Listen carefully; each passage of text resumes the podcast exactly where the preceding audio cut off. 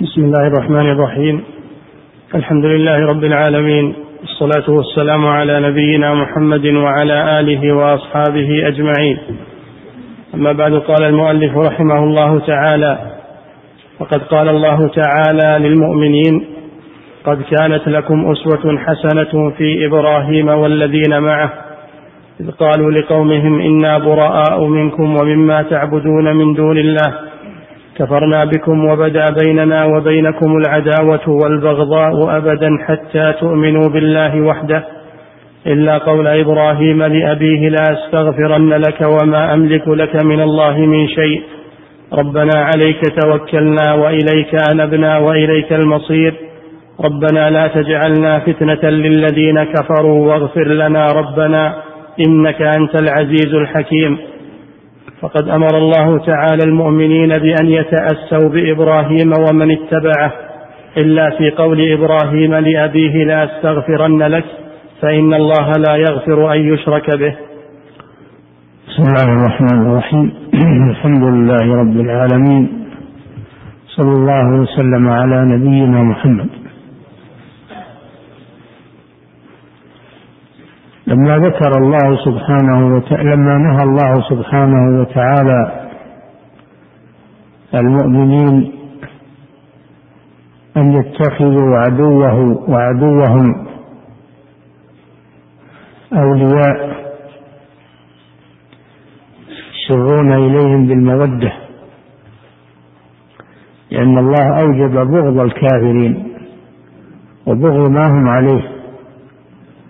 حتى لا يتأثر المسلم بدينهم أو يعصي الله بمحبتهم والله يبغضهم.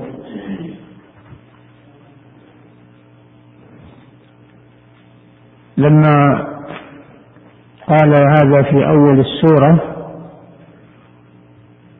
ذكر لهم ما كان عليه إبراهيم والذين معه من المؤمنين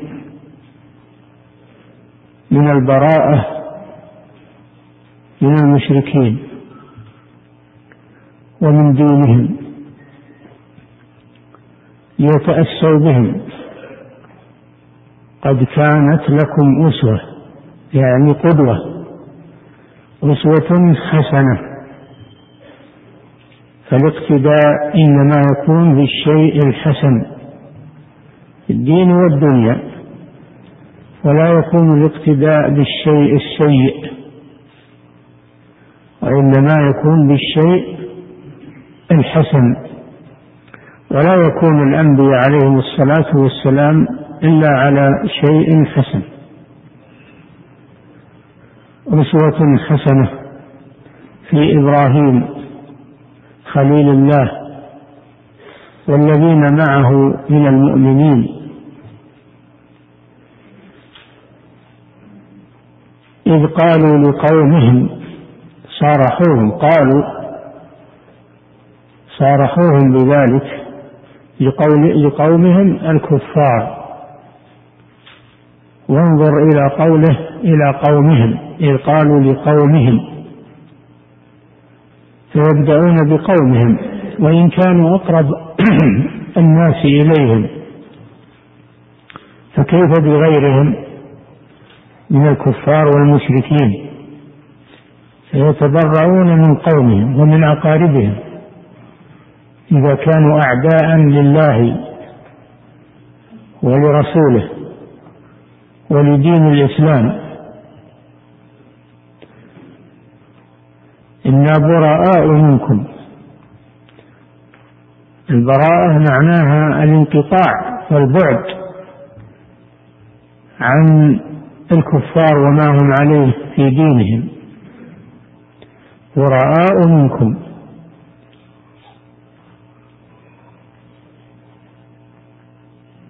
ومما تعبدون من دون الله. فلا يكفي أن أن يتبرأوا من الكفار دون أن يتبرأوا من دينهم ولا العكس أن يتبرأوا من دينهم دون أن يتبرأوا منهم. فالبراءة من الكافر ومن دينه.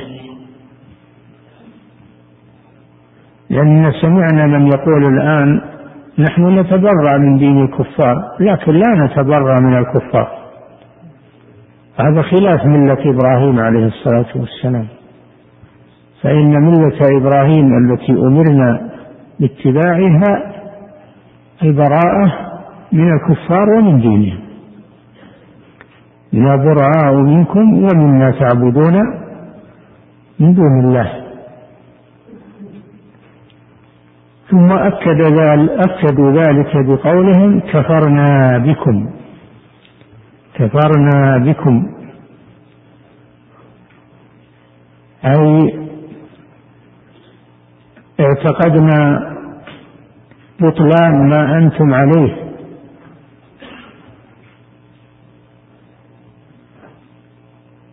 كفرنا بكم. ما براء هذا من باب التأكيد. وهذا هو الواجب على المسلم أن يكفر بالطاغوت ويؤمن بالله. قال تعالى فمن يكفر بالطاغوت ويؤمن بالله تقدم الكفر بالطاغوت على الإيمان بالله. لأن الإيمان بالله لا يكفي مع عدم الكفر بالطاغوت وهذا هو معنى لا إله إلا الله. فإن معنى لا إله هذا كفر بالطاغوت. إلا الله إيمان بالله جل وعلا. فلا إله إلا الله مكونة من شيئين من البراءة من الشرك وأهله ومن التزام عبادة الله وحده لا شريك له.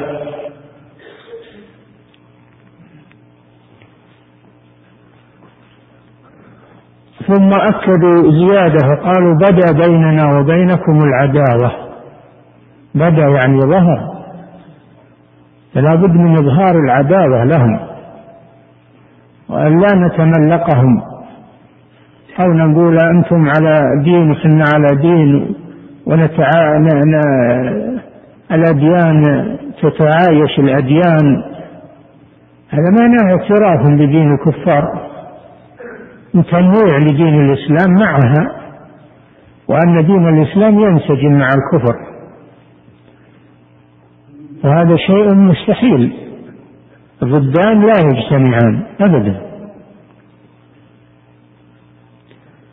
نعم نحن نتبرأ من دينهم لكن لا نجبرهم على الدخول في الإسلام إجبارا إنما يدخلون فيه عن اقتناع. أما الإجبار لا إكراه في الدين لا نجبرهم ولا يمكن أن يجبر الإنسان على على دين. ولو التزم به بالظاهر ما ما يلتزم به بالباطن إذا أجبر عليه. لكن إذا دخله عن اقتناع التزم به بالظاهر والباطن.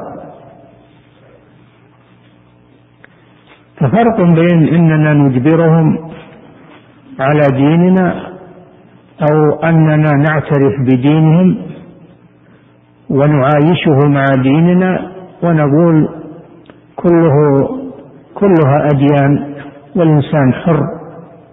الإنسان حر في ديانته بمعنى أنه أنه يصوب ما هو عليه نقول لا ما هو عليه خطأ وضلال وكفر ولا يتساوى مع الحق أبدا. وهم على باطل ونحن على حق. ولا يمكن أن يسوى هذا بهذا وأن يقال كلها أديان كلها أديان والتقارب بين الأديان أمر مطلوب. لا لا تقارب بين بين بين حق وباطل وبين هدى وضلال وبين كفر وإيمان لا تقارب بينهم. أما أننا نتعاهد معهم أو أننا نأخذ منهم الجزية ونتركهم على ما هم عليه فهذا ليس هذا اعترافا بدينهم ولا إقرارا لهم عليه. وإنما هذا لأجل إذلالهم وإظهار الإسلام عليهم وأنهم الإسلام يكون هو هو المهيمن والمسيطر عليهم. أما أن يسوى بين الأديان على حد سواء قال كلها أديان فليس هناك دين إلا دين الإسلام. ما عداه فهو باطل. قال تعالى إن الدين عند الله الإسلام. قال تعالى ومن يبتغي غير الإسلام دينا فلا فلن يقبل منه. وهو في الآخرة من الخاسرين. والإسلام هو إفراد الله جل وعلا بالعبادة التي شرعها على ألسن رسله. وبعد بعثة محمد صلى الله عليه وسلم صار الإسلام هو ما جاء به محمد صلى الله عليه وسلم. وانتهت ديانات الرسل التي قبله. وصار دين محمد صلى الله عليه وسلم هو الدين الباقي. فلن تبقى أديان مع دين محمد صلى الله عليه وسلم. يعني أديان صحيحة أما أنها تبقى موجودة نعم هي موجودة لكنها غير صحيحة باطلة. واجب على المسلم أن يعتقد بطلانها وأن الحق هو دين الإسلام وحده. ولا نجامل في هذا. واللي يسوي بين الأديان لا يرتد عن دين الإسلام. يسوي بين الحق والباطل والكفر والإيمان ويقول التآخي بين أصحاب الديانات من إخواننا هذا كفر بالله عز وجل. الله أمرنا بالبراءة منهم ومن دينهم. أما كوننا نتعامل معهم أو نتعاهد معهم فهذا ما هو معناه اعتراف بدينهم. ولا اعتراف بأن دينهم حق وإنما هو إذلال لهم.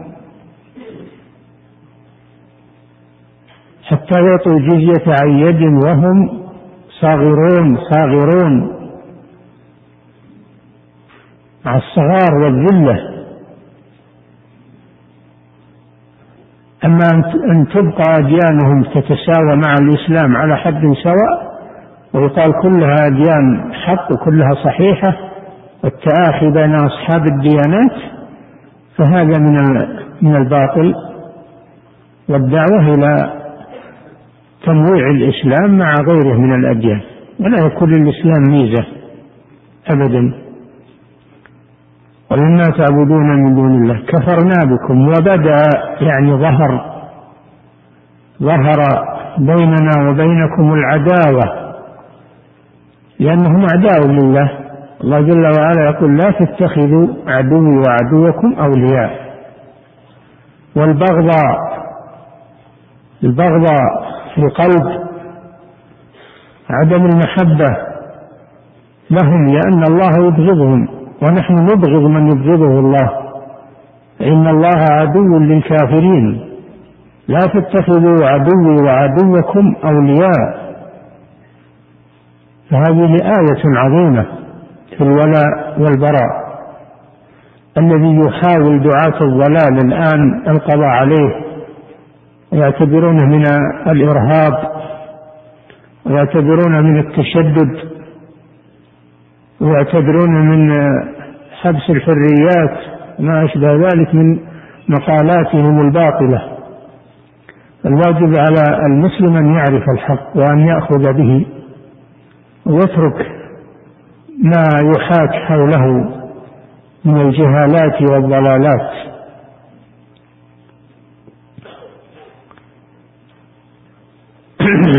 وليس هذه العداوة وهذه البراءة مؤقتة. بل قال بل قالوا أبدا أبدا حتى تؤمنوا بالله وحده. هذه البراءة تدوم تبقى إلى أن يسلموا. إلى أن يسلموا ما داموا لم يسلموا فالعداوة والبراءة باقية. باقية. وبدا بيننا وبينكم العداوة والبغضاء أبدا حتى تؤمنوا بالله وحده. حتى تؤمنوا بالله وحده. ولا تؤمنوا بغيره من الأصنام والمعبودات من دون الله عز وجل. لأنه لا يجتمع الإيمان بالله مع الإيمان بغيره من الأصنام والمعبودات من دون الله عز وجل. فهذه الآية من جملة الآيات القرآنية في الولاء والبراء. الولاء لأولياء الله والبراءة من من أعداء الله. وكما أشرت أنه ليس معنى ذلك أننا نظلمهم أو نجور عليهم. لا لا يجرمنكم شنآن قوم على أن لا تعدلوا. اعدلوا فالعدل واجب مع المسلم والكافر ومع جميع الخلق. العدل واجب. فلا نظلم الكفار. ما نظلمهم. نعتدي على حقوقهم. بل آه العدل واجب. وليس أيضا معنى ذلك أننا لا نتعامل معهم في المباحات من بيع وشراء وتبادل مصالح وليس معنى ذلك أننا لا نتعاهد معهم إذا اقتضت المصلحة. ليس معنى ذلك أننا لا نؤمنهم ونجلبهم إلى بلادنا من أجل أعمال يقومون بها لمصلحة المسلمين. يعملونها لمصلحة المسلمين. إذا كان المسلمون لا يحسنونها فلا مانع أنه يستجلب من الخبراء. لا مانع أنه مثلا يفتح بيننا وبينهم آه، السفارات. تفتح بيننا وبينهم السفارات. إنما الحربيون هم الذين لا لا نسمح أن يفتحوا سفارة عندنا. أما المعاهدون فنسمح أنه يفتح سفارة بيننا وبينهم في المراسلات في المصالح المشتركة. كل هذا ليس من الولاء والبراء هذا من من المصالح التي لا بد منها. هم معناه إن إن المسلمين يقاطعون الكفار نهائيا ولا يكون بينهم صلة ابدا. إنما هذا في أمور الدين. أما في أمور الدنيا لا.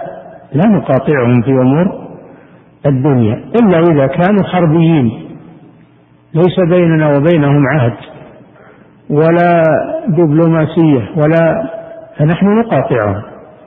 أما إذا كانوا معاهدين أو أو ذميين أو مستأمنين فنحن نتبادل معهم المصالح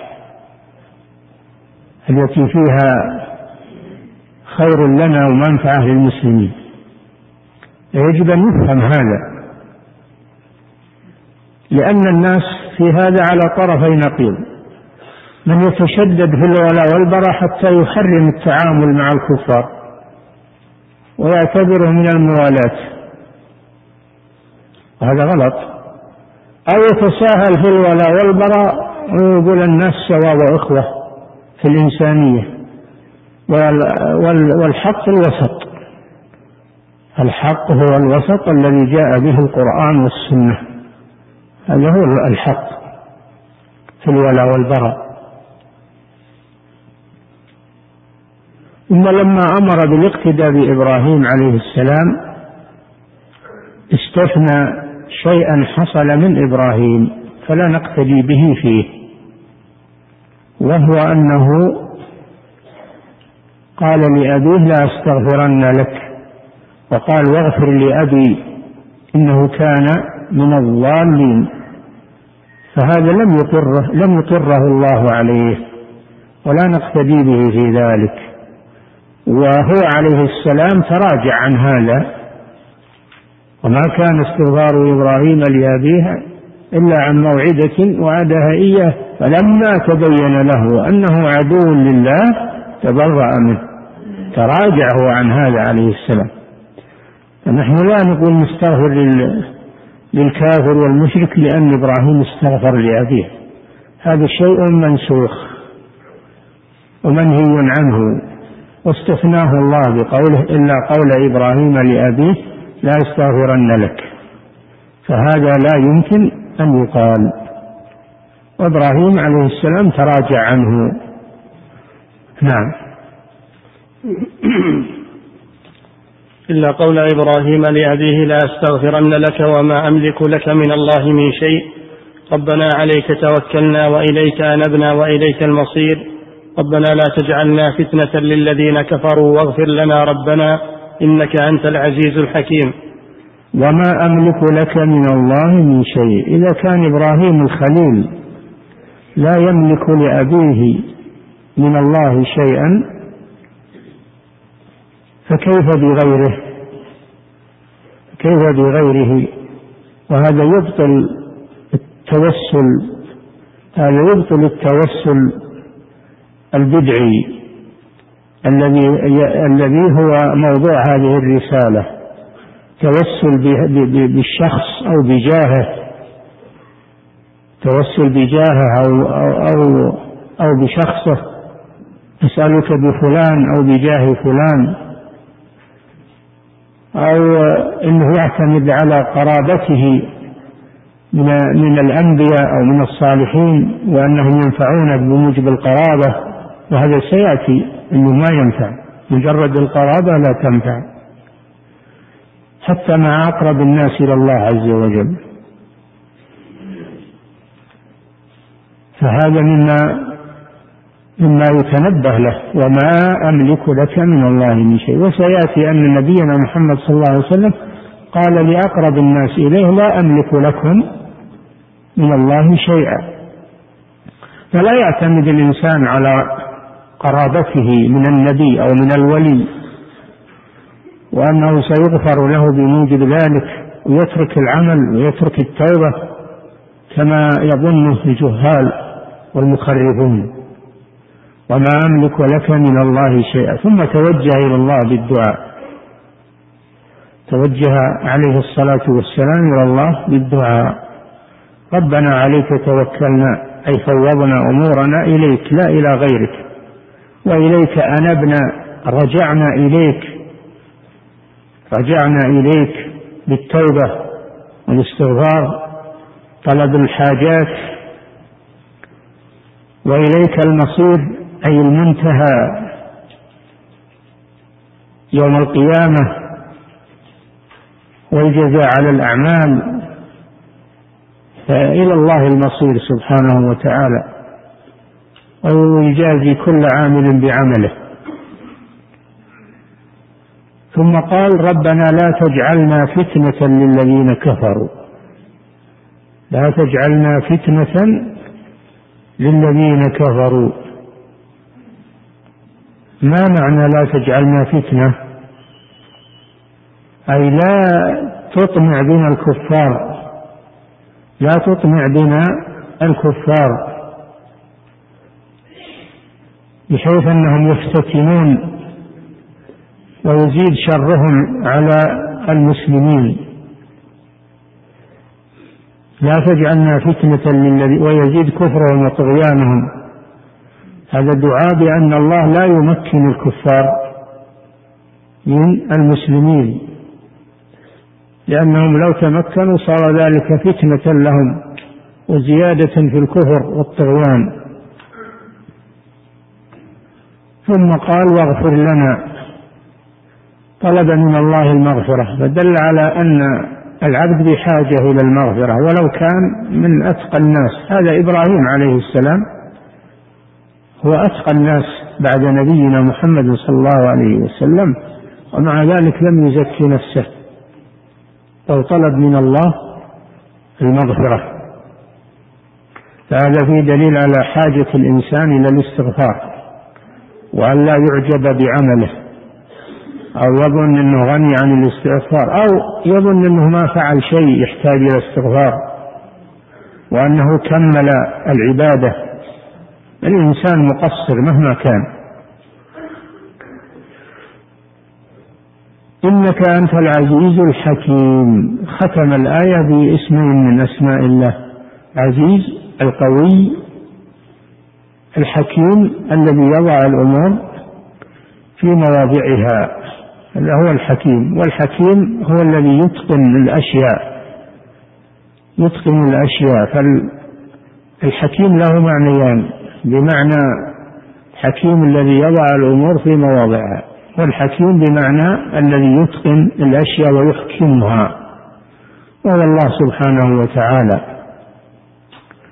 هذا توسل بأسمائه سبحانه وتعالى. هذا دليل على جواز التوسل بأسماء الله كما قال تعالى ولله الأسماء الحسنى فادعوه بها.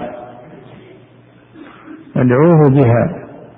ولماذا قال إنك أنت العزيز الحكيم ولم يقل إنك أنت الغفور الرحيم لماذا قال إنك أنت العزيز الحكيم لأنه قال لا تجعلنا فتنة للذين كفروا لأن الله قادر على أن يسلط الكفار على المسلمين وهذا يرجع إلى عزة الله سبحانه وتعالى وقدرته؟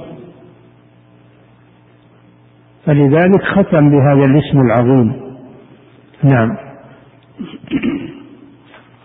فقد أمر الله تعالى المؤمنين بان يتأسوا بإبراهيم عليه الصلاة والسلام ومن اتبعه. إلا في قول إبراهيم لأبيه لا أستغفرن لك فإن الله لا يغفر أن يشرك به. نعم لأن لأن أبا لأن أبا إبراهيم مشرك. والله لم يقبل في شفاعة إبراهيم خليل الله عز وجل لم يقبلها في المشرك. فدل على أن المشرك لا تنفعه الشفاعة.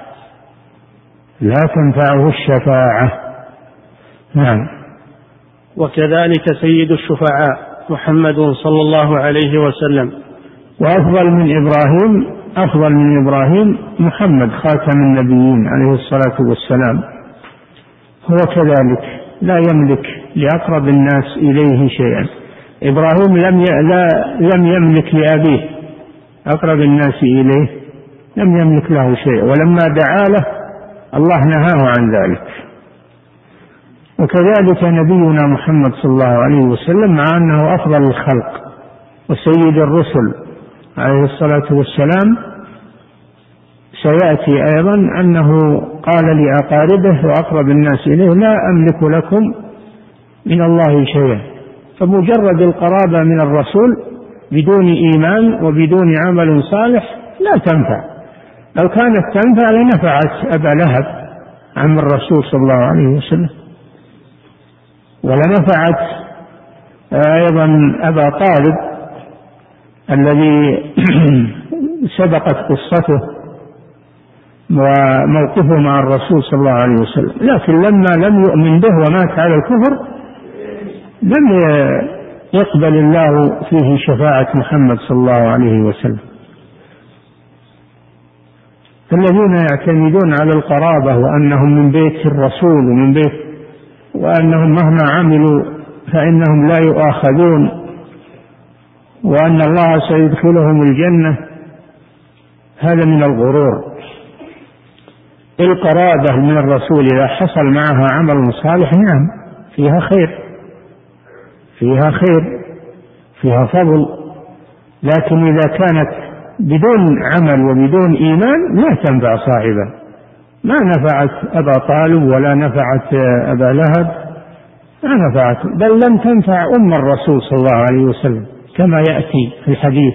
ولم تنفع والد الرسول صلى الله عليه وسلم قال أبي وأبوك في النار. لم ينفعه ذلك. مجرد القرابة التي يطنطن بها من يدعون أنهم من بيت الرسول ويعتمدون عليها ولا يعملون الأعمال الصالحة ولا يتركون الشرك.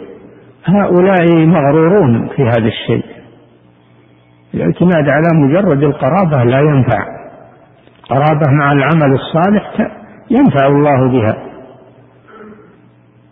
أما من دون عمل فهذه لا تنفع صاحبها. نعم.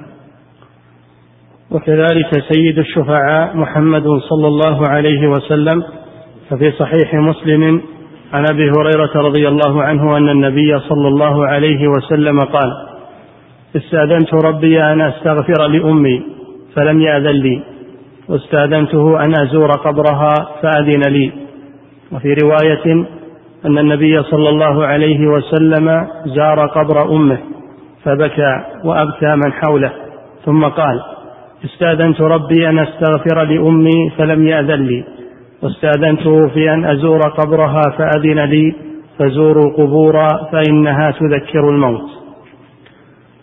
هذا الحديث فيه أن الرسول صلى الله عليه وسلم استأذن ربه أن يزور أمه.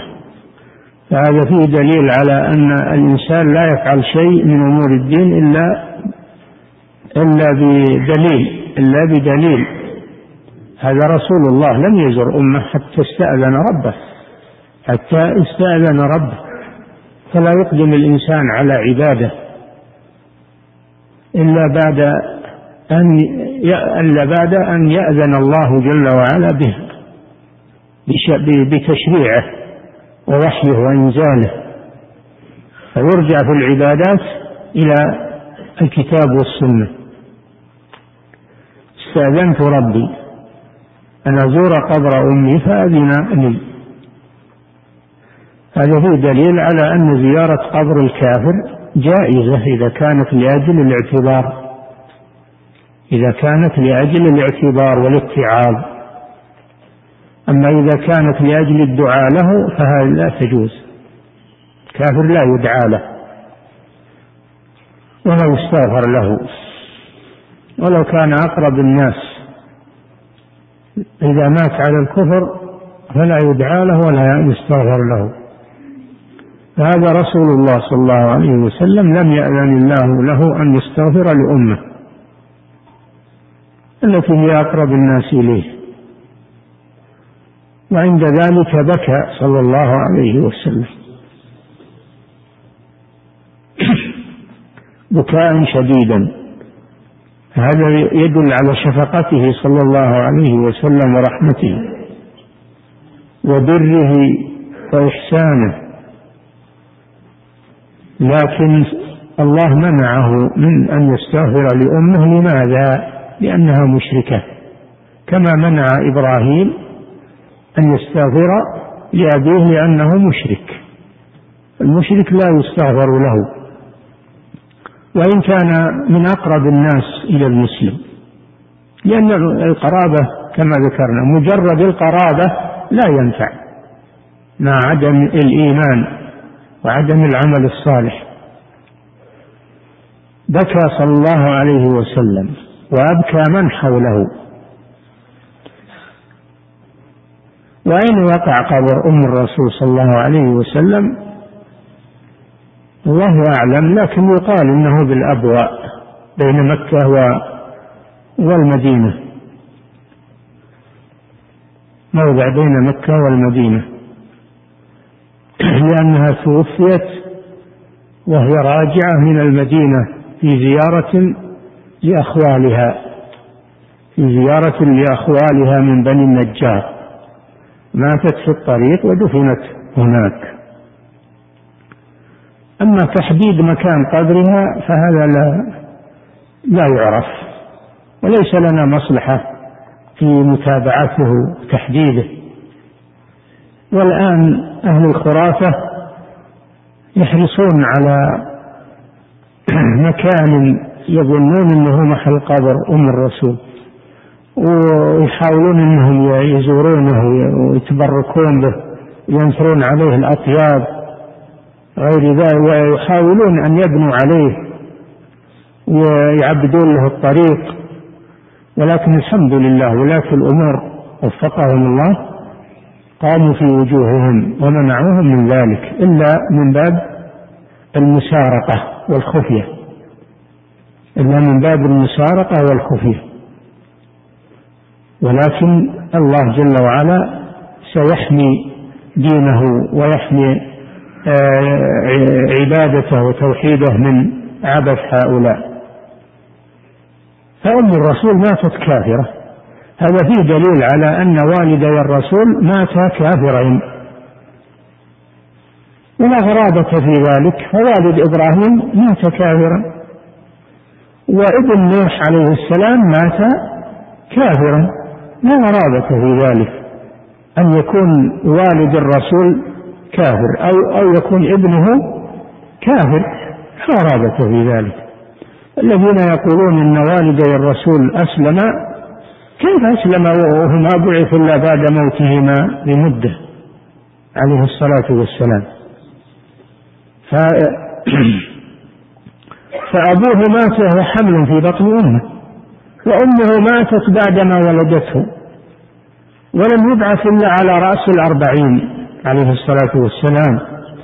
كيف يقال إن والديه أسلما يقولون إنه إنهم بعث له. أحد يبعث قبل يوم القيامة؟ ما في بعث. ولا أحد يرجع إلى الدنيا أبدا. ألم يروا كما أهلكنا من قبلهم من القرون أنهم إليهم لا يرجعون. ما يمكن. ما يمكن أن يرجع أحد لا والد الرسول ولا غيره. إلى أن يبعث يوم القيامة. فهذا من الخرافات والكذب التي ما أنزل الله بها من سلطان. ودل هذا على أن الرسول صلى الله عليه وسلم لا يملك لأقرب الناس إليه شيئا إذا لم يكن ذلك بسبب إيمانه و آه، ولا يعتمد على مجرد القرابة. وبالمناسبة الرسول صلى الله عليه وسلم لم يكرر الزيارة لقبر أمه حتى يتعلق هؤلاء بالزيارة الآن. الرسول لم يكرر ولا ثبت عنه أنه زارها غير هالمرة هذه. ولا ثبت عن أصحابه أنهم كانوا يزورونها. فلا دليل على زيارتها والتردد تردد عليها. وإنما هؤلاء يتعلقون بالأوهام والخرافات التي ما أنزل الله بها من سلطان.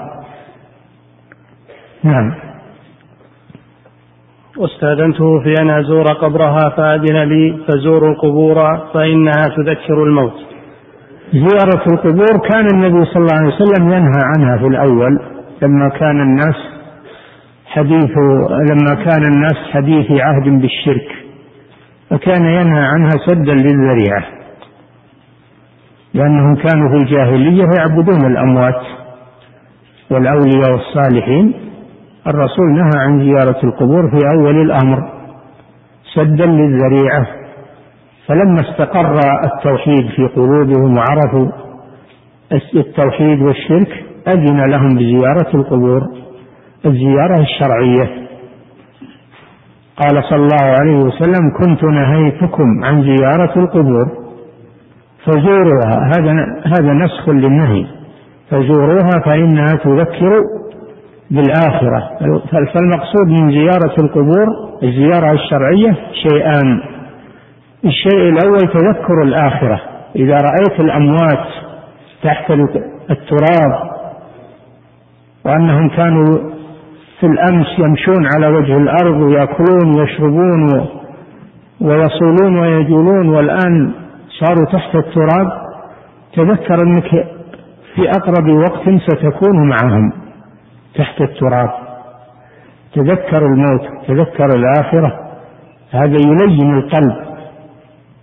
وفيه موعظة للمسلم. هذا شيء. الشيء الثاني الدعاء للميت.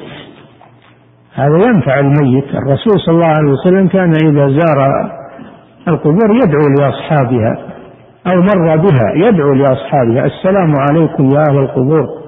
السلام عليكم ديار قوم المؤمنين وإنا إن شاء الله بكم لاحقون. يرحم الله المستقدمين منا ومنكم والمستأخرين. اللهم لا تحرمنا أجرهم ولا تفتنا بعدهم واغفر لنا ولهم. الزيارة الشرعية يكون المقصود منها شيئان. الشيء الأول الاعتبار تذكر بالآخرة. الشيء الثاني نفع الميت بالدعاء له. والاستغفار له.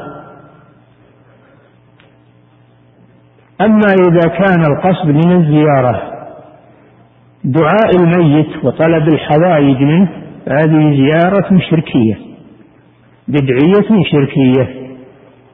فالمقصود من الزيارة دعاء الدعاء للميت لا دعاؤه وإنما الدعاء له أنه بحاجة إلى الدعاء. ولا يدعى لأن الدعاء لا يكون إلا لله ولأنه ميت لا يملك شيئا ولا تطلب منه حاجة. لأنه ميت. فهذا هو الفرق بين الزيارة الشرعية والزيارة البدعية الشركية. كنت نهيتكم عن زيارة القبور فزوروها. يستثنى من قوله وزوروها النساء. النساء لا تزور القبور بدليل قوله صلى الله عليه وسلم كما في الحديث الذي في السنن. لعن الله زوارات القبور. المتخذين عليها المساجد والسرج. فلعن صلى الله عليه وسلم زوارات القبور. واللعن لا يكون إلا على كبيرة من كبائر الذنوب. فدل على أن زيارة النساء للقبور كبيرة من كبائر الذنوب وأن التي تزور القبور ملعونة. بنص الحديث فلا يجوز للمرأة أن تزور القبور وإنما هذا خاص بالرجال. وأما كون عائشة زارت قبر أخاها وأن أم عطية تقول نهينا عن زيارة القبور ولم يعزم علينا فهذا اجتهاد من صحابيات اجتهاد. والاجتهاد إذا خالف النص لا يعمل به. الرسول يلعن زوارات القبور فلا نخالف هذا. ونقول عائشة فعلت أو أم عطية قالت رضي الله تعالى عنهما لأن هذا اجتهاد والمجتهد يخطئ ويصيب. فإذا خالف الاجتهاد الدليل فإنه لا يعمل به. نعم.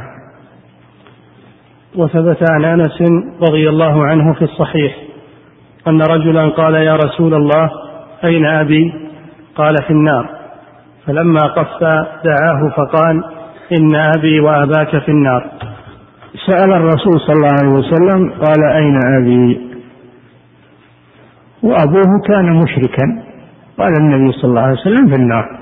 إن المشرك في النار. وما كان لهذا الرجل ما كان ينبغي له أن يسأل يا أيها الذين آمنوا لا تسألوا عن أشياء إن تبد لكم تسؤكم. ما كان ينبغي له أن سأل. فلما سأل أجابه الرسول صلى الله عليه وسلم. لأن حق السائل أن يجاب لا سيما في مسائل العلم. قال في النار معناه لا يجوز لك تستغفر له ولا أنت أن تدعو له لأنه كافر وأنت ويجب عليك أن تتبرأ منه. فلما ولى أدركت النبي صلى الله عليه وسلم الرحمة بهذا السائل وأنه حصل له حصل له استياء حين عرف أن أباه في النار فأراد صلى الله عليه وسلم بحسن خلقه أن يجبر خاطر هذا الرجل فدعاه قال إن أبي يعني أبا الرسول صلى الله عليه وسلم عبد الله بن عبد المطلب إن أبي وأباك في النار. لماذا كان أبو الرسول في النار؟ لأنه مشرك. لأنه مات على الشرك. فهذا مما طيب به خاطر هذا الرجل. إذا كان والد الرسول في النار فكيف بغيره؟ فمن مات على الشرك فهو في النار. ولو كان والدا للرسول صلى الله عليه وسلم. نعم. فهذا مع مع قوله استأذنت. أن استغفر لأمي ولم يأذن لي يدل على أن أبوي الرسول ماتا كافرين. وأن من قال إنهما أسلم فهذا قول باطل لا دليل عليه. نعم. وثبت أيضا في الصحيح عن أبي هريرة رضي الله عنه لما أنزلت هذه الآية وأنذر عشيرتك الأقربين دعا رسول الله صلى الله عليه وسلم قريشا فاجتمعوا فعم وخص فقال يا بني كعب بن لؤي أنقذوا أنفسكم من النار. يا بني مرة بن كعب أنقذوا أنفسكم من النار. يا بني عبد شمس أنقذوا أنفسكم من النار. يا بني عبد مناف أنقذوا أنفسكم من النار. يا بني هاشم أنقذوا أنفسكم من النار. يا بني عبد المطلب أنقذوا أنفسكم من النار. يا فاطمة أنقذي نفسك من النار فإني لا أملك لكم من الله شيئا غير أن لكم رحما سأبلها ببلالها. نعم. هذا الحديث النبي صلى الله عليه وسلم لما بعثه الله بالرسالة صار يدعو الناس سرا ويسلم الرجل والرجلان وكانوا مختفين من أذى قريش. ثم أمره الله بأن يصدع بالدعوة في السنة الرابعة من الهجرة أمره الله وأنزل عليه هذه الآية فاصدع بما تؤمر وأعرض عن المشركين. إنا كفيناك المستهزئين. فعند ذلك جهر بالدعوة. عليه الصلاة والسلام بعد أن كانت الدعوة سرية وأسلم عمه حمزة وكان من أقوى الرجال وأسلم رجل قوي آخر وهو عمر بن الخطاب رضي الله عنه فصار الرجلان ردءا للمسلمين. مصداقا لقوله إنا كفيناك المستهزئين فالله جعل له من عمه ومن عمر بن أبي طالب قوة حماه بها من أذاهم وصدع بالدعوة. ثم أنزل عليه قوله تعالى وأنذر عشيرتك الأقربين. لما أمره بأن يصدع في الدعوة على العموم خص أقاربه وعشيرته قال وأنذر عشيرتك الأقربين. فأولا أنذر الناس كلهم ثم أنذر أقاربه هذا دليل على أن الذي يدعو إلى الله يبدأ بأقاربه أولا وأهل بيته. ما يروح للناس وأهل بيته على خطئهم وجيرانه على خطأ أو بلده حتى حتى بلده. يبدأ ببلده. ويدعو إلى الله في بلده. فإذا أصلح بلده يذهب إلى البلاد الأخرى. هذه هذه هذا منهج الدعوة. هذا هو منهج الدعوة إلى الله عز وجل. فلما أنزل الله عليه هذه الآية صعد على الصفا صلى الله عليه وسلم ونادى بأعلى صوته. فاجتمع الناس إليها اجتمع إليها أهل مكة وأعمامه ومن حوله اجتمعوا فقال يا معشر قريش اشتروا أنفسكم من النار فإني لا أملك لكم من الله شيئا. ثم أخذ يخصص إلى أن وصل إلى بنته وإلى عمته وعمه. يا عباس عم رسول الله يا يا صفية عمة رسول الله لا أغني عنكم من الله شيئا. اشتروا أنفسكم من النار. فهذا مع ما سبق من قصة إبراهيم دليل على أن على أن مجرد القرابة لا تنفع صاحبها حتى يؤمن بالله عز وجل. فهذا الرسول لا يملك شيئا. هذا فيه رد على الذين يتعلقون على الرسول ويظنون إنه يعطيهم ما يريدون. ويغفر ذنوبهم ويمحو سيئاتهم وأنه وأنه ويغلون في حق الرسول صلى الله عليه وسلم ويستغيثون به ويظنون أن الرسول هو الذي ينقذهم. كما يقول قائلهم يا أكرم الخلق ما لمن ألوذ به. يعني ما أحد يلوذ الله ما, ما له وجود. ما لمن ألوذ به سواك عند حلول الحادث العمي. يعني يوم القيامة ما له ملاذ إلا الرسول. ولا الله ليس له وجود عند هذا القائل. تعالى الله عن ذلك. ما لي من ألوذ به. العياذ واللياذ لله عز وجل. عبادة. ما لي من ألوذ به سواك عند حلول الحادث العملي يعني إذا قامت القيامة إن لم تكن في معادي آخذا بيدي وإلا قل يا زلة القدم هذا فيه أن الرسول يأخذ بيده وينقذه من النار. الرسول لا ينقذ أحدا من النار. قال, قال الله تعالى أفأنت تنقذ من في النار؟ الرسول لا يملك هذا. وإلا قل يا زلة القدم ثم زاد في الغلو وقال فإن من جودك الدنيا وضرتها الدنيا والآخرة من جود الرسول وليست من الله جل وعلا. هذا أبشع الغلو والعياذ بالله. ومن علومك علم اللوح والقلم. ما كتب في اللوح المحفوظ وخطه القلم الذي قال له الله اكتب فهو من علم الرسول صلى الله عليه وسلم. الله ما له وجود في شعر هذه الطاغية. نسأل الله العافية. فهذا من الغلو. هذا من الغلو في حق الرسول صلى الله عليه وسلم. فإذا كان يقول يقول لا أملك لكم من الله شيئا وهذا الشاعر يطلب من الرسول كل هذه الأمور فهذا من المعاندة لرسول الله صلى الله عليه وسلم ومن المشاقة لرسول الله صلى الله عليه وسلم. وهذا يتعلق به كثير من القبوريين اليوم والمبتدعة والخرافيين. يقولون هذا من محبة الرسول. وكذبوا في هذا فإن محبة الرسول تقتضي اتباعه تقتضي اتباعه وطاعته. الرسول نهى عن هذه الأمور فالذي يحبه يتجنب هذه الأمور لأن الرسول لا يرضى بهذه الأمور. يرضى أن تقول له ما لمن ألوذ به سواك.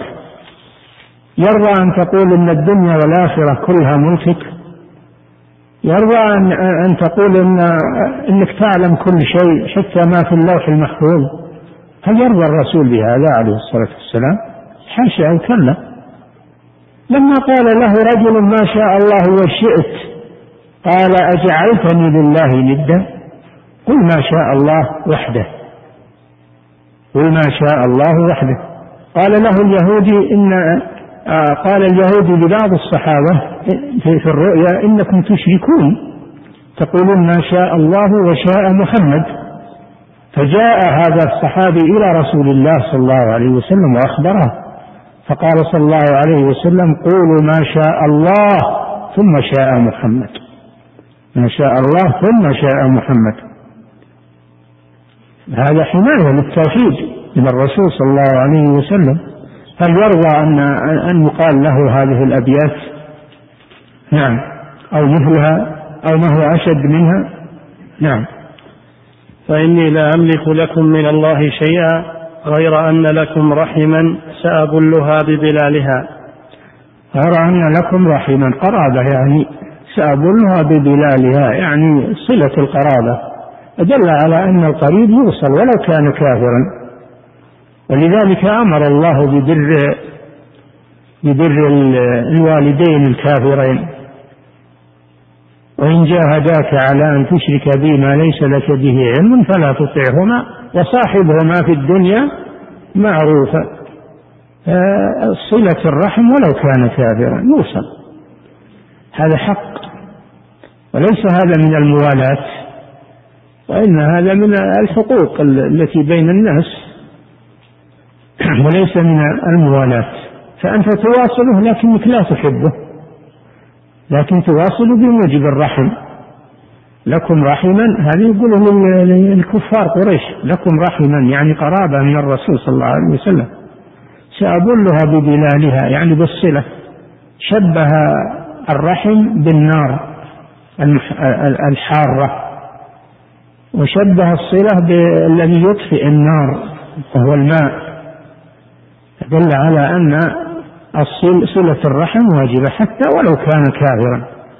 وليس هذا من الموالاة هذا من المسائل التي تستثنى ولا تدخل في الموالاة. نعم. وفي رواية عنه يا معشر قريش اشتروا أنفسكم من النار فإني لا أغني عنكم من الله شيئا. يا بني عبد المطلب لا أغني عنكم من الله شيئا. يا عباس بن عبد المطلب لا أغني عنك من الله شيئا. يا صفية عمة رسول الله لا أغني عنك من الله شيئا.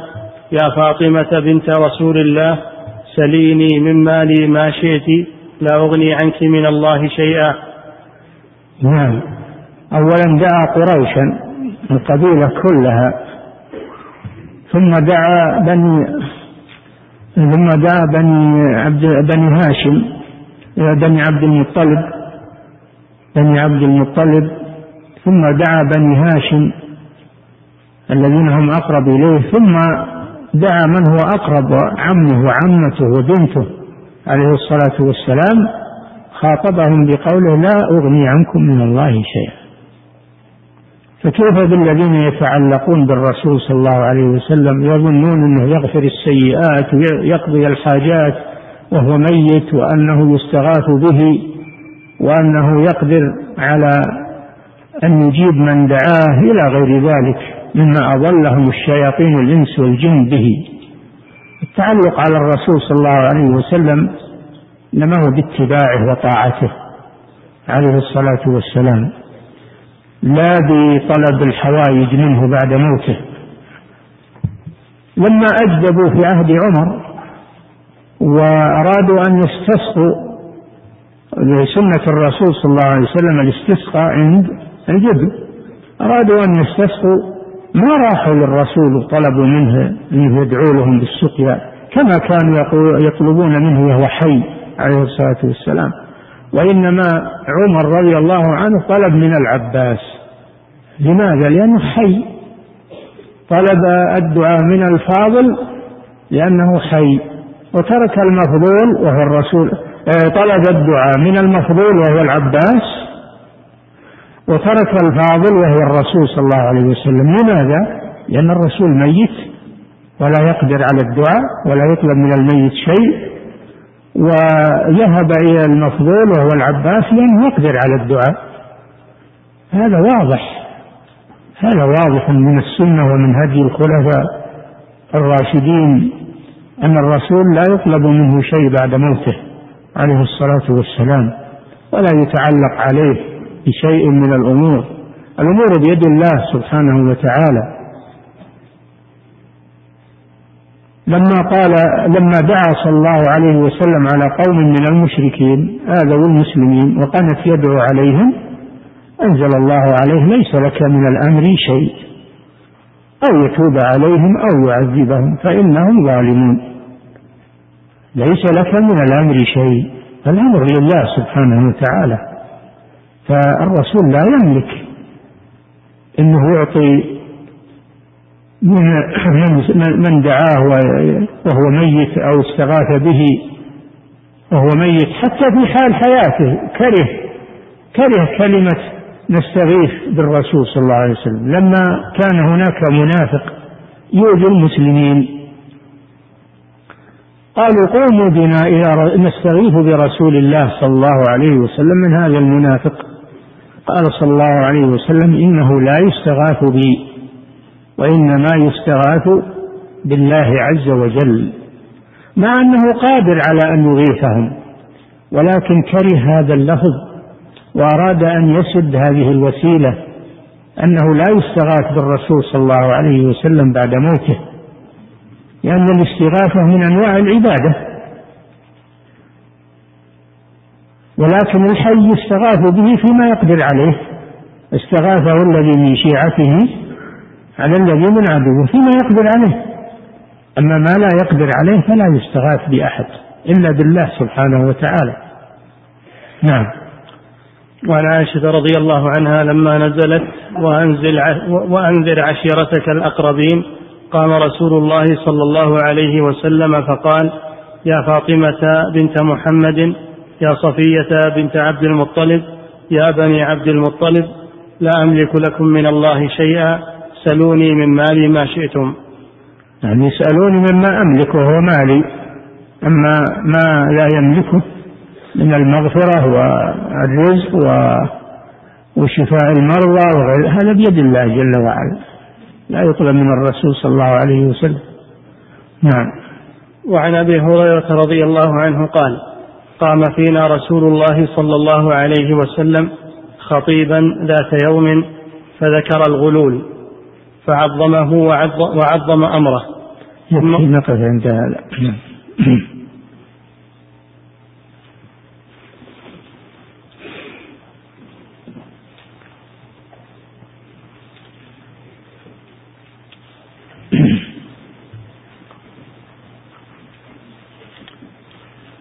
يقول فضيلة الشيخ وفقكم الله هل يجوز التعزية بالكفار عند موتهم؟ وهل يقال إذا كان قريبهم مسلما يقول المعزي إنا لله وإنا إليه راجعون؟ الكافر لا يعزى بكافر ولو كان قريبا له. وأما إذا كان قريبه مسلما فإنه يعزى به. يعزى بقريبه المسلم. ويدعى للمسلم. ويقال إنا لله وإنا إليه راجعون لأن موت المسلم مصيبة. ولو كان أبوه أو قريبه كافرا فموت المسلم مصيبة على المسلمين. نعم. يقول فضيلة الشيخ وفقكم الله هل يجب رد السلام على الكافر كما هو واجب رده على المسلم؟ هذا ظاهر الحديث. نعم. قال تعالى وإذا حييتم بتحية فحيوا بأحسن منها وردوها. هذا عموم. والنبي صلى الله عليه وسلم يقول لا تبدأوا اليهود والنصارى بالسلام. فإن سلموا عليكم فقولوا عليكم. فيرد عليهم إذا سلموا. والظاهر الوجوب. نعم. يقول فضيلة الشيخ وفقكم الله اضطرار الكفار إلى أضيق الطريق. هل يشمل ذلك عند قيادة السيارة فلا يسمح لهم بأن يتقدم عليه؟ لا ليس معنى هذا. انك تضر الكافر تشده على الهلاك أو على الخطر ليس ليس المعنى هذا، معنى هذا أنه لا يكرم الكافر، لا يكرم يقدم على المسلمين في الطريق. أو يفسح له الطريق ويمنعون المسلمين لما يمر أو يقدم في المجلس. أما إنه يضايق ويضار هذا أمر لا يجوز خصوصا إذا كان في بلاد المسلمين مستأمنا أو معاهدا له ما للمسلمين وعليه ما على المسلمين فلا يضايق ويضر أبدا. لكن معناه أنه لا يكرم يفسح له الطريق ويفسح ويصدر في المجلس هذا المعنى. المعنى المعنى, المعنى منع إكرامه. لا لا الإضرار به. نعم. يقول فضيلة الشيخ وفقكم الله هل أخذ الجزية من الكفار حكم خاص باليهود والنصارى؟ خلاف بين العلماء. في الآية قاتلوا الذين لا يؤمنون بالله ولا باليوم الآخر ولا يدينون دين الحق من الذين أوتوا الكتاب. فلو نظرنا إلى ظاهر الآية خص ذلك بأهل الكتاب لكن جاءت السنة بأخذها من غير من غير أهل الكتاب. أخذ النبي صلى الله عليه وسلم الجزية من مجوس حجر وأخذها من من المشركين فالصحيح جواز أخذها من كل كافر سواء كان كتابيا أو غير كتابي. نعم. يقول فضيلة الشيخ وفقكم الله كيف نفرق بين من هو من أهل الفترة الذين يمتحنون وبين أهل الشرك مثل والدي الرسول صلى الله عليه وسلم اللذين ماتا قبل بعثة الرسول عليه الصلاة والسلام فقد يقال إن الحجة لم تقم عليهما وإنهما من أهل الفترة فكيف الجواب؟ نحن نمشي على الظاهر هما ماتا مشركين. ما نحكم عليهم في الآخرة وإنما نحكم عليهم في الدنيا فلا نستغفر لهم ولا نترحم عليهم. أما في الآخرة فأمرهم إلى الله سبحانه وتعالى. نعم. يقول فضيلة الشيخ وفقكم الله قال بعض الخطباء في في تفسير قول الله سبحانه ربنا لا تجعلنا فتنة للذين كفروا. قال إن المقصود بذلك ما يكون من تصرفات بعض المسلمين من الشدة وعدم الالتزام بالدين وما شابه ذلك فهل هذا صحيح؟ وأن الإنسان قد يكون سببا في ضلال الناس وفتنتهم. لا أدري عن هذا ما أدري. اللي يغلب على ظني أن المراد أن الله لا يسلط الكفار على المسلمين حتى يفتتن الكفار ويزيد شرهم وكفرهم. فيكونون فتنة. يفتن الله الكفار بزيادة الكفر والتسلط على المسلمين. هذا الذي يظهر لي الله أعلم. نعم.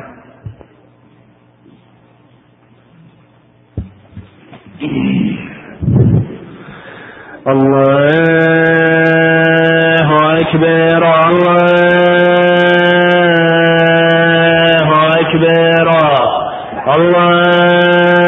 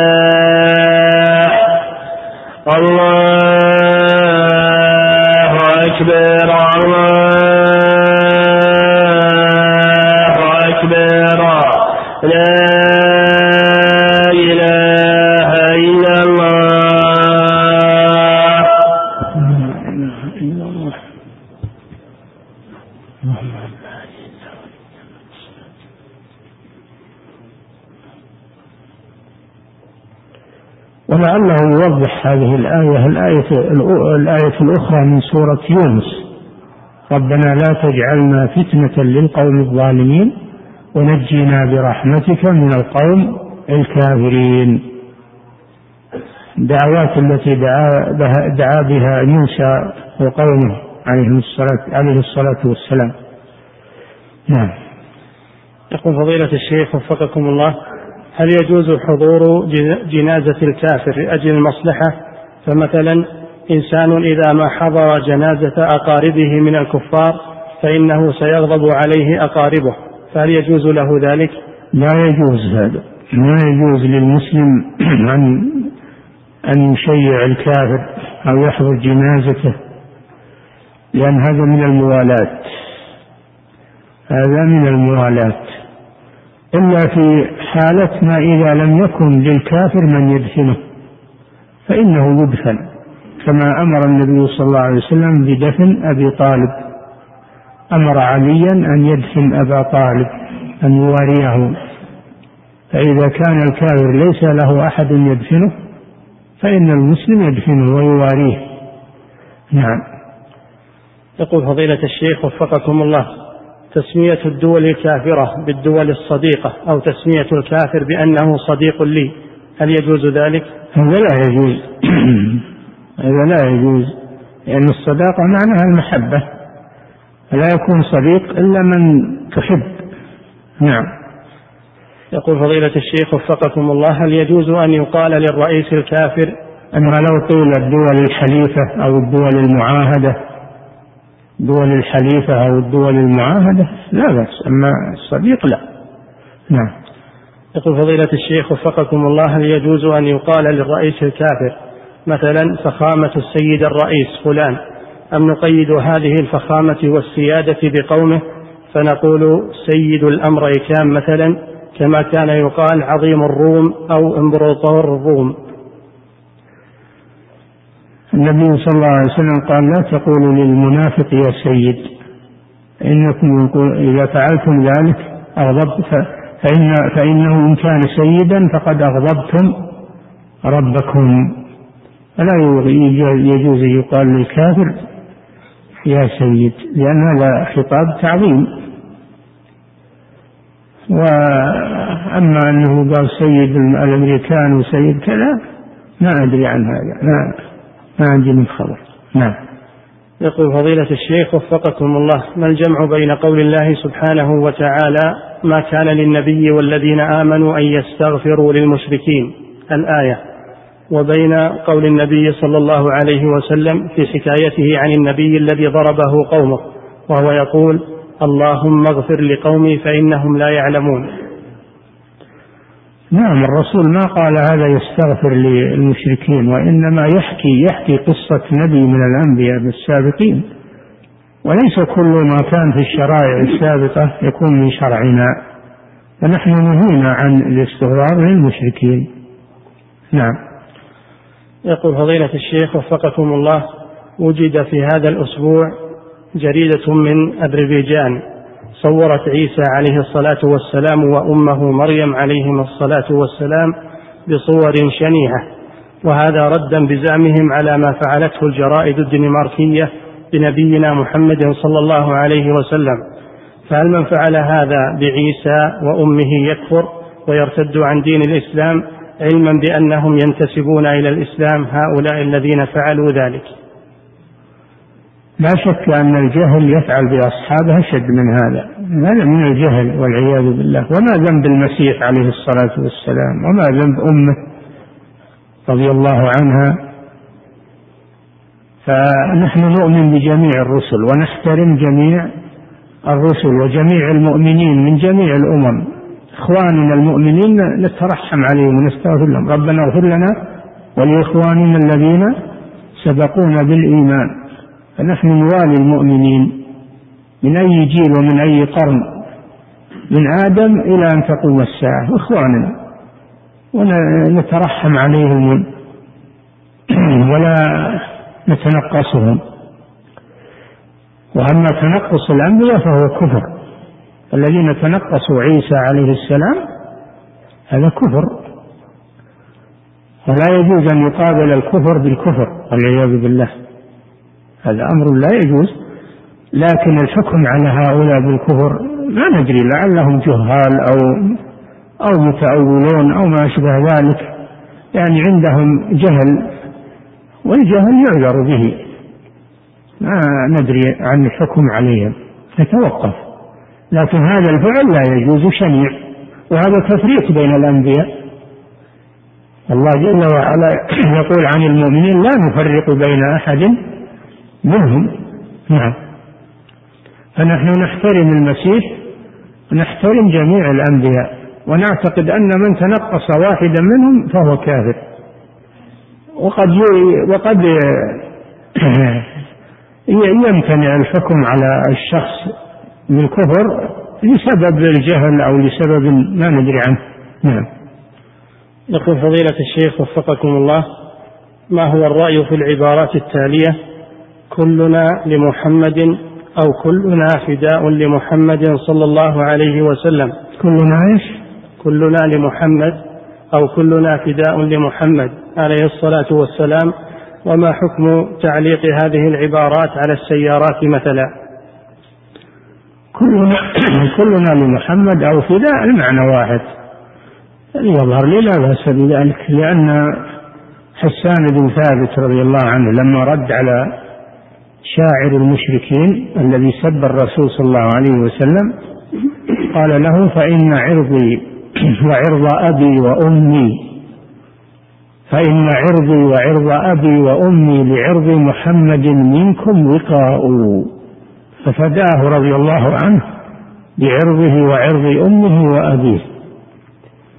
ففداء الرسول صلى الله عليه وسلم بالنفس أو بالعرض أو بالمال أو هذا أمر واجب. نعم. يقول فضيلة الشيخ وفقكم الله. ما حكم زيارة النساء لقبر النبي صلى الله عليه وسلم؟ وإذا زارت المرأة قبره عليه الصلاة والسلام فهل تأتم بذلك؟ نعم. لا تجوز للمرأة زيارة القبور لا قبر النبي ولا غيره. لعموم قوله صلى الله عليه وسلم لعن الله زوارات القبور. فيدخل في ذلك قبره صلى الله عليه وسلم قبر صاحبيه. فمن فعلته فهي آثمة ومستحقة للإثم. عليها التوبة. إلا أن تكون جاهلة فتعلم ويبين لها ذلك. والواجب منع النساء من زيارة قبر النبي صلى الله عليه وسلم. هذا خاص بالرجال. نعم. يقول فضيلة الشيخ وفقكم الله في قول النبي صلى الله عليه وسلم لعن الله زوارات القبور ولم يقل زائرات القبور فهذه صيغة مبالغة فيكون المنهي عنه. الإكثار من زيارة النساء للمقابر؟ يا أخي وردت رواية ثانية لعن الله زائرات القبور وهي تفسر زوارات. من المراد منع الزيارة مطلقة. منع الزيارة مطلقة سواء تكررت أو لم تتكرر. هذه شبهة قال بها من أجاز زيارة المرأة لكن هذا مردود. بدليل الرواية الثانية لعن الله زائرات القبور. نعم. يقول فضيلة الشيخ وفقكم الله إذا لم يستطع الإنسان أن يصلح في بلده فهل له أن يخرج ويصدع بالدعوة إلى البلاد الأخرى؟ وخصوصا أنه أنه تعرض للأذى الكثير في دعوته في بلاده وخاف على نفسه من ذلك.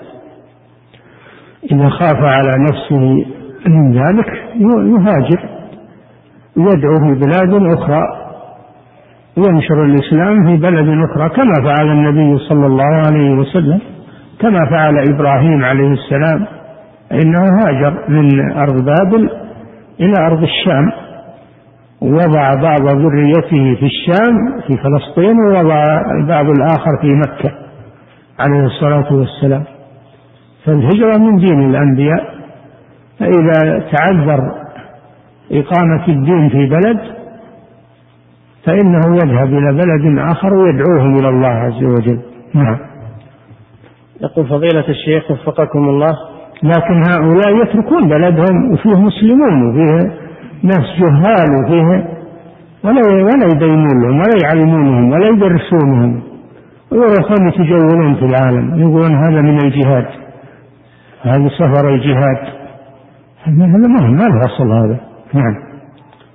يقول فضيلة الشيخ وفقكم الله امرأة كانت حاملا في الشهر الثالث ومات الجنين في بطنها فهل الدم الذي ينزل معها بعد نزول الجنين دم نفاس أم هو أم ما هو؟ الشهر الثالث يعني مكملة من الثالث؟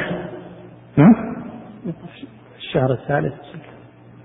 المهم إذا إذا إذا تم 80 يوم ودخلت في الشهر آه، في الأسبوع أو في دخلت في الأربعين في الأربعين الثالثة يعني 81 يوم فما يأتيها من الدم بعد ذلك فهو فهو نفاس. أما إذا نقص عن 81 فإنه لا يزال في دور العلقة فلا يكون نفاسا وإنما يكون نزيفا. نعم. يقول فضيلة الشيخ وفقكم الله رجل فقد في يعني في دور المضغة في دور المضغة. نعم. يقول فضيلة الشيخ وفقكم الله رجل فقد في حادث غرق السفينة. ولم يعلم مصيره ومر على الحادث الآن ستة عشر يوما وهم بانتظار تحليل الحمض النووي فهل تعتد زوجاته عليه أم ماذا يفعلنا وفقكم الله. إذا ثبت موته في يوم معين فإن زوجته تبدأ العدة من موته ولو لم تعلم إلا بعد مدة. لو ما درت إلا بعد ما أكملت أربعة أشهر وعشرة أيام تكون خرجت من العدة. وإذا كانت في في خلال الأربعة الأشهر تكمل البقية وتنتهي. هذا الأمر فيه سهل. هي الآن تتجنب المحظورات التي تتجنبها المحبة تتجنبها وإذا تبين موته تبدأ يبدأ تبدأ العدة من موته. نعم.